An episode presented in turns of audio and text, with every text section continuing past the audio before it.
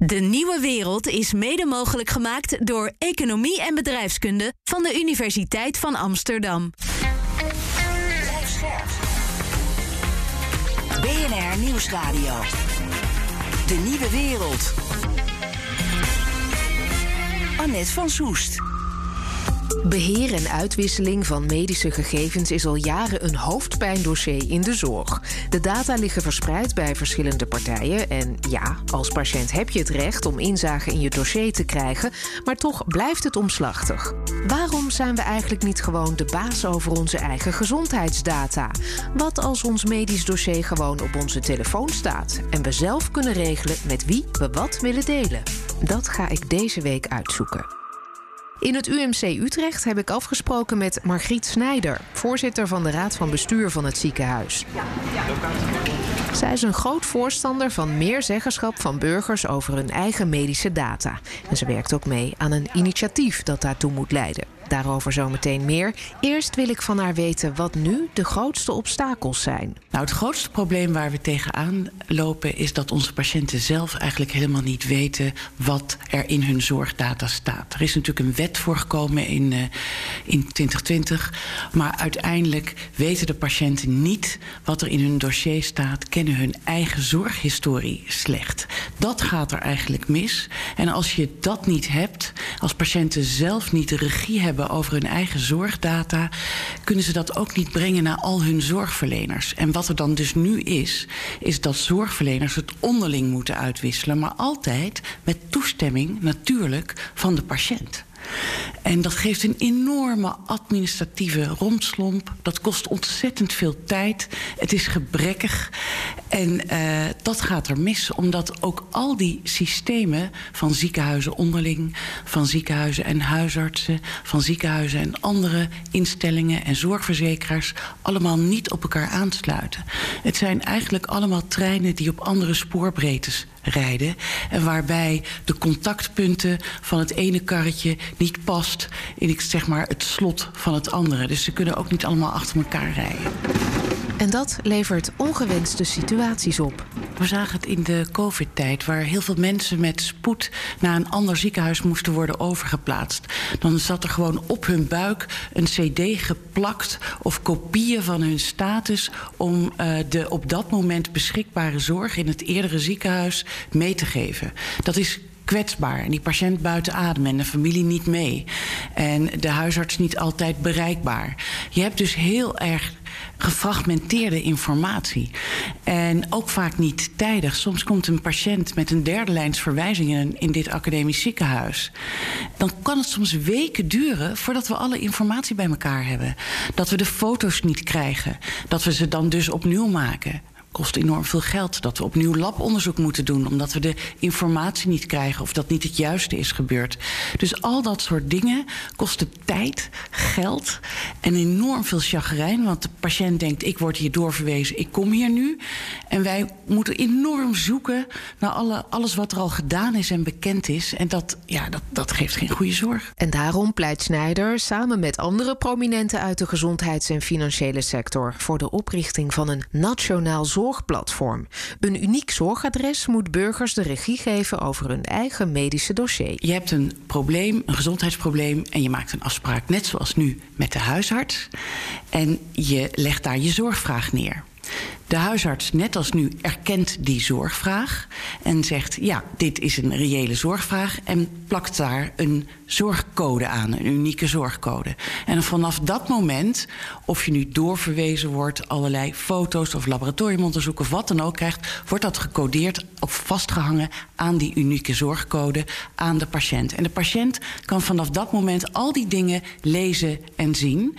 En iedereen die bij hem betrokken is, bij het verleden van de zorg, geeft hij toegang tot deze data. Dus de patiënt blijft de beheerder van deze data en alle zorgaanbieders krijgen toegang via het consent van de patiënt. En er is er natuurlijk een, zoals wij dat in de zorg noemen, een breaking the glass uh, methode. Dat op het moment dat je uh, in coma bent of uh, omvergereden bent op de fiets, dan moeten mensen bij je zorggevers kunnen en dan is er een manier om daarbij te kunnen. Dat is nu ook al.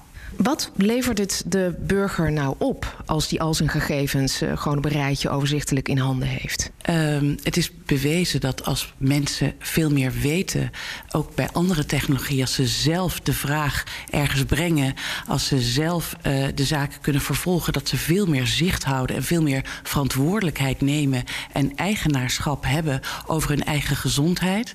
Dat ze ook veel makkelijker bereikbaar zijn voor preventie. Want de burger krijgt het zorgadres en de burger is dan ook benaderbaar. En de burger heeft ook het voordeel dat al die geanonimiseerde zorgdata, als hij daar toestemming voor geeft, uh, gebruikt kunnen worden om allemaal nieuwe ontwikkelingen in de zorg uh, uit te vinden, om te bekijken. Het is een open access voor bedrijven. En bedrijven, zorginstellingen, verzekeraars, maar ook innovaties in de zorg van zorgaanbieders moeten altijd gefinancierd worden. En in platformtechnologie zijn de data van de grote waarde. Daar verdienen techbedrijven gigantisch aan. Bent u niet bang dat juist dit aspect van het hele verhaal... dat dat zorgen oproept bij patiënten, bij burgers? Want met die data, hun data, wordt dus uiteindelijk geld verdiend. En natuurlijk vinden mensen dat spannend. En het is zo dat iedere burger kan kiezen of hij zijn data laat gebruiken voor onderzoek, voor uh, innovaties, om nieuwe dingen te bedenken, of dat hij puur persoonlijk zijn data bij zichzelf wil houden. Dat kun je kiezen. Maar met die data, en dat is nou het mooie van het hele systeem, willen we een instituut oprichten vanuit de Nederlandse overheid, wat voor de helft beheerd wordt door de Nederlandse overheid, zodat de regelgeving, wet en regelgeving volledig goed georganiseerd is. En de andere helft is van alle 17 miljoen Nederlanders, een coöperatieve vereniging. Die data zijn van ons en dus niet van een Chinees of een Amerikaans techbedrijf wat zelf kan bedenken wat ze met onze data doen. Nee, die, die waarde vloeit terug in het instituut en daar daarmee kunnen vernieuwingen in de zorg worden doorgevoerd. Ja, dat zei Margriet Snijder. Het gaat hier dus om een initiatief waarvan we niet weten of het er ook echt komt, maar bij het UMC Utrecht hopen ze in ieder geval van wel. Marcel Canois is hoogleraar gezondheidseconomie bij de Vrije Universiteit. Vindt hij het een goed idee als wij burgers meer te zeggen zouden krijgen over onze eigen zorgdata? De verleiding is om maar meteen ja op te zeggen natuurlijk. Hè, want en het is natuurlijk ook vanuit het perspectief van uh, ja, dat mensen vinden hun eigen gezondheid heel belangrijk. En uh, dan klinkt het ook wel heel vreemd omdat er heel moeilijk wordt gedaan over als je je eigen gegevens wil zien. Want ja, die, die horen natuurlijk bij jou als persoon. Want dat is nu heel moeilijk, hè, om die in te zien. Uh, dat hangt je moet er moeite voor doen. Ja, precies. Uh, het kan wel en het mag ook. Maar je moet er inderdaad wat moeite voor doen. En uh, dat zal niet, het is niet met één druk op de knop gedaan.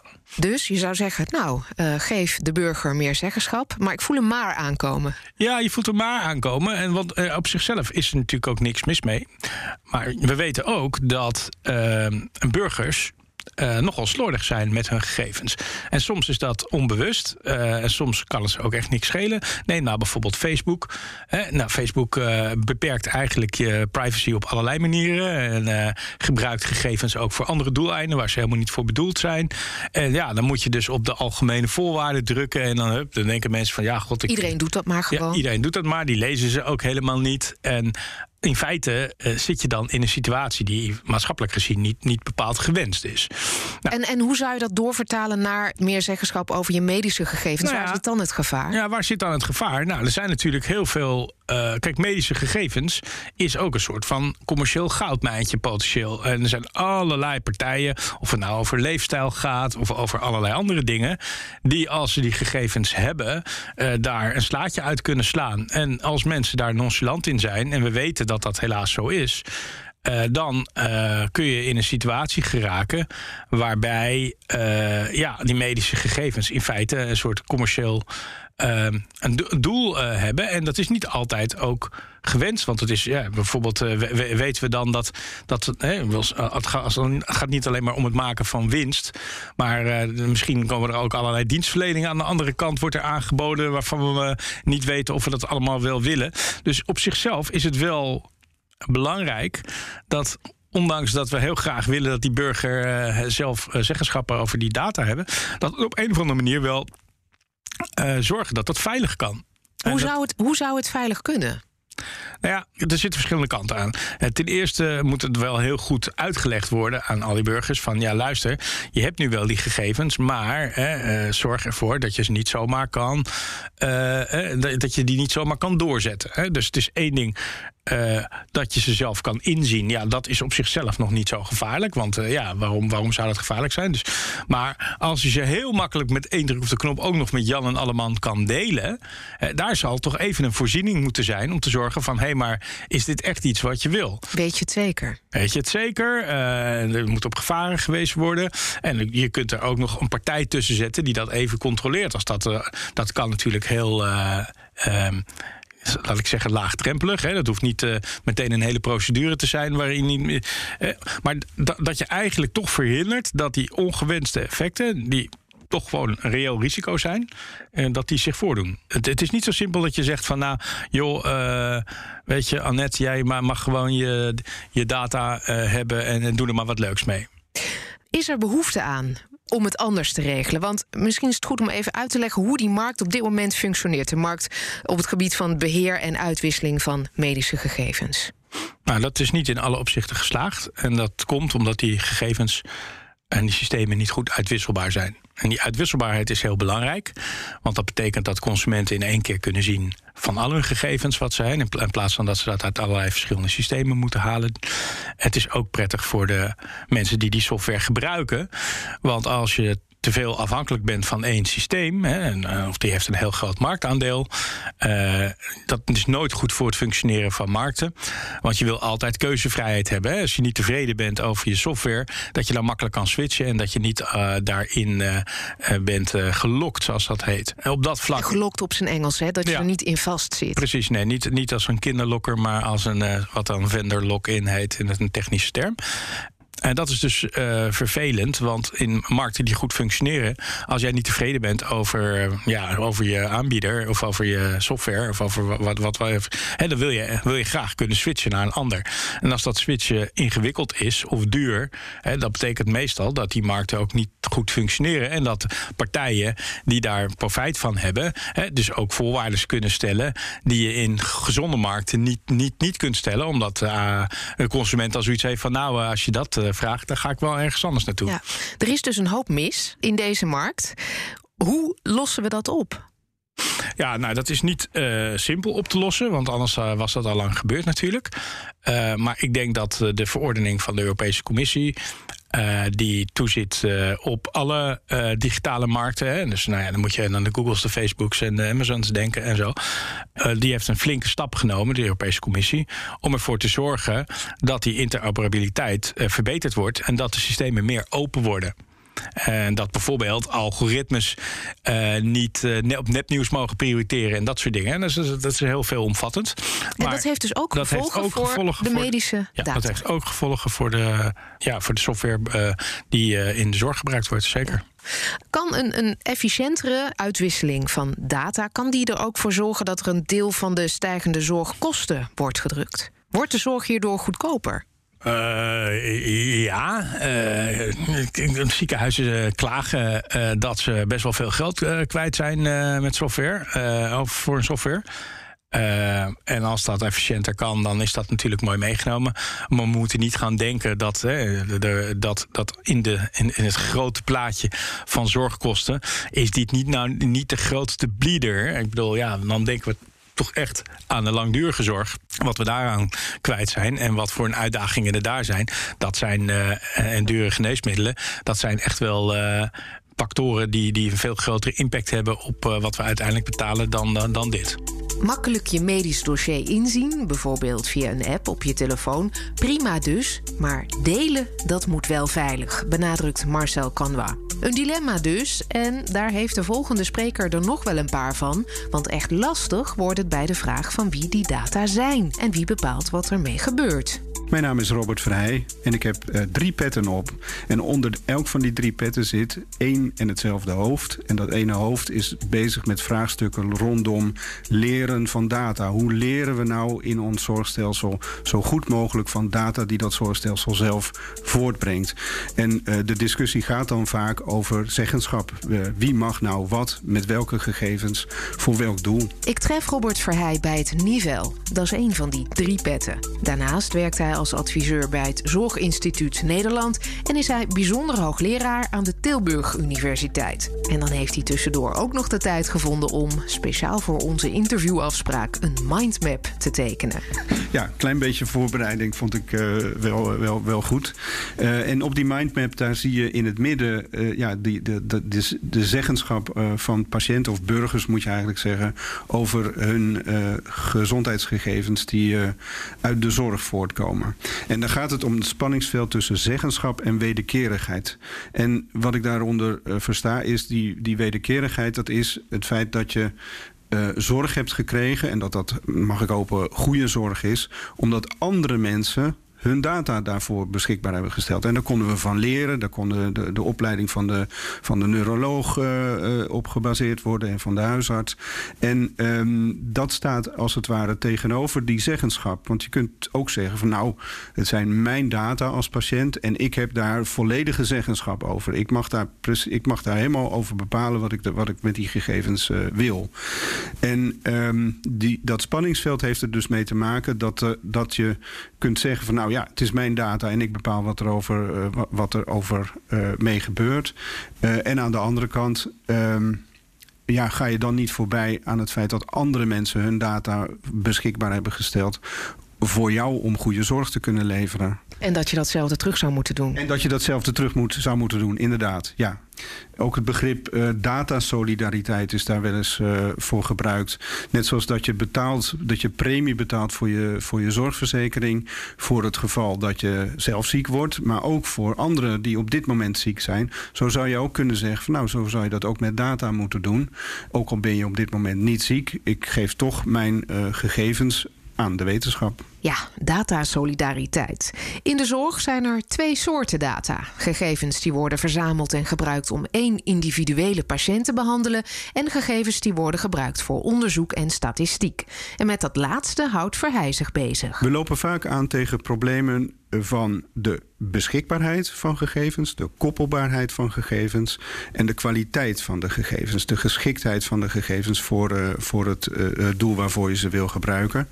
Bovendien zitten die gegevens vaak op heel veel verschillende plekken en moet je op heel veel verschillende plekken dus toestemming vragen voor het gebruik van die gegevens. En dat zou, uh, dat zou eigenlijk wel anders georganiseerd moeten worden om beter te kunnen leren van data die er al zijn.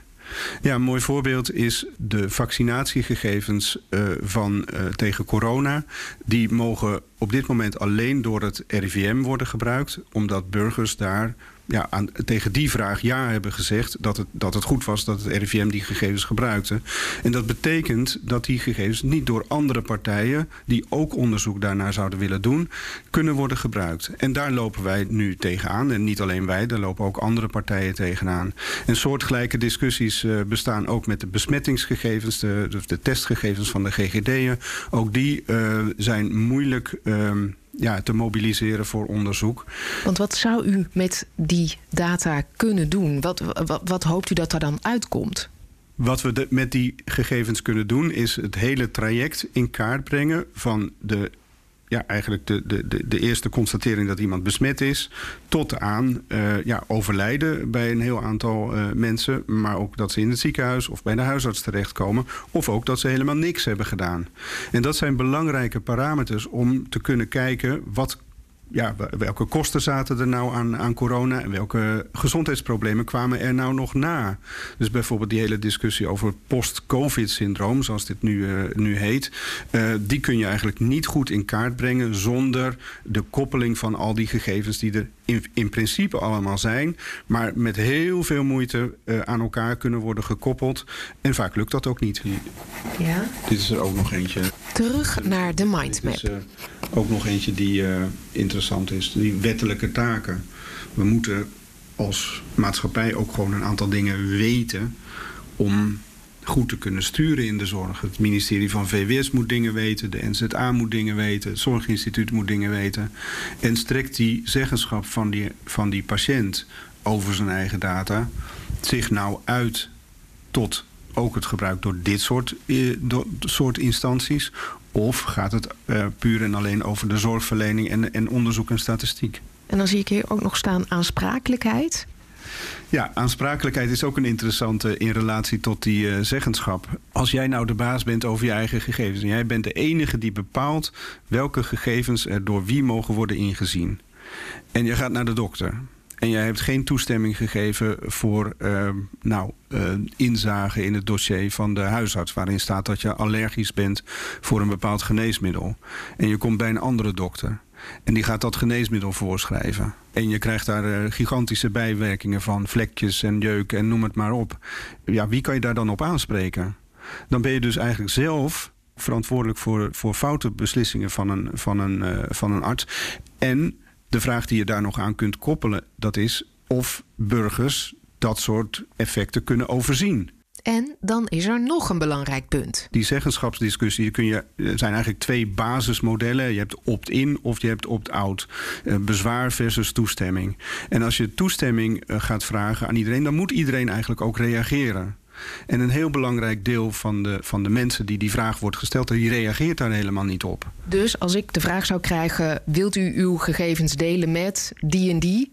En ik reageer niet, ja, wat gebeurt er dan? Nou ja, dan ga je ervan uit in een opt-in systeem dat je die gegevens niet mag gebruiken. En dat betekent uh, voor je onderzoek naar de kwaliteit van de zorg uh, of, uh, of de, de, werkzaamheid van een bepaald middel, dat jij niet in die dataset zit. En als er nog meer mensen zijn zoals jij die daar niet in zitten, en jij bent iemand met een migratieachtergrond, of je hebt een lage opleiding, of je bent heel oud, ehm, dan betekent dat dus voor mijn dataset die ik als onderzoeker mag gebruiken, dat ik over die groep mensen niks kan zeggen. En dat is wel heel belangrijk dat ik dat wel kan. Want dat zijn vaak ook de kwetsbaren in de samenleving. En daar moet je juist iets over kunnen vertellen. En dan is het echt heel erg lastig als juist die groep uit je dataset valt. Voor u is het dus heel belangrijk dat u weet wie er niet meedoet. Ja, dat klopt. Ik wil heel... Dat weet u niet als er een opt-in is. Met een opt-in weet je niet wie er niet meedoet.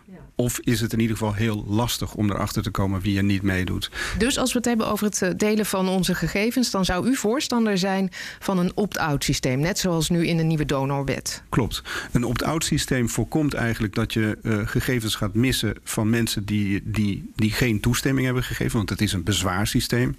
Um, en het is inderdaad vergelijkbaar met uh, donorregister. We begonnen deze uitzending met de vraag waarom we eigenlijk niet gewoon zelf de baas zijn over onze Conclusie: het is nog niet zo simpel. Dit is een, een vraagstuk wat enorme consequenties heeft voor de zorgverlening zelf, maar ook over de kennis over de zorgverlening en daarmee uh, voor de kwaliteit van de zorgverlening en de efficiëntie van de, van de zorgverlening en uh, de passendheid, modern woord, passendheid van de zorgverlening. Daarvoor is die kennis allemaal heel erg belangrijk. En dat uh, kan alleen maar uh, als je een zo volledig mogelijke dataset tot je beschikking hebt om, om, om ja, zicht te krijgen op de, ja, de, de patronen van zorg en ziektes die mensen doorlopen. Tot zover deze aflevering van De Nieuwe Wereld. Leuk dat je luisterde. We zijn er iedere dinsdag om drie uur en wanneer je maar wil in je podcast-app. Tot de volgende week.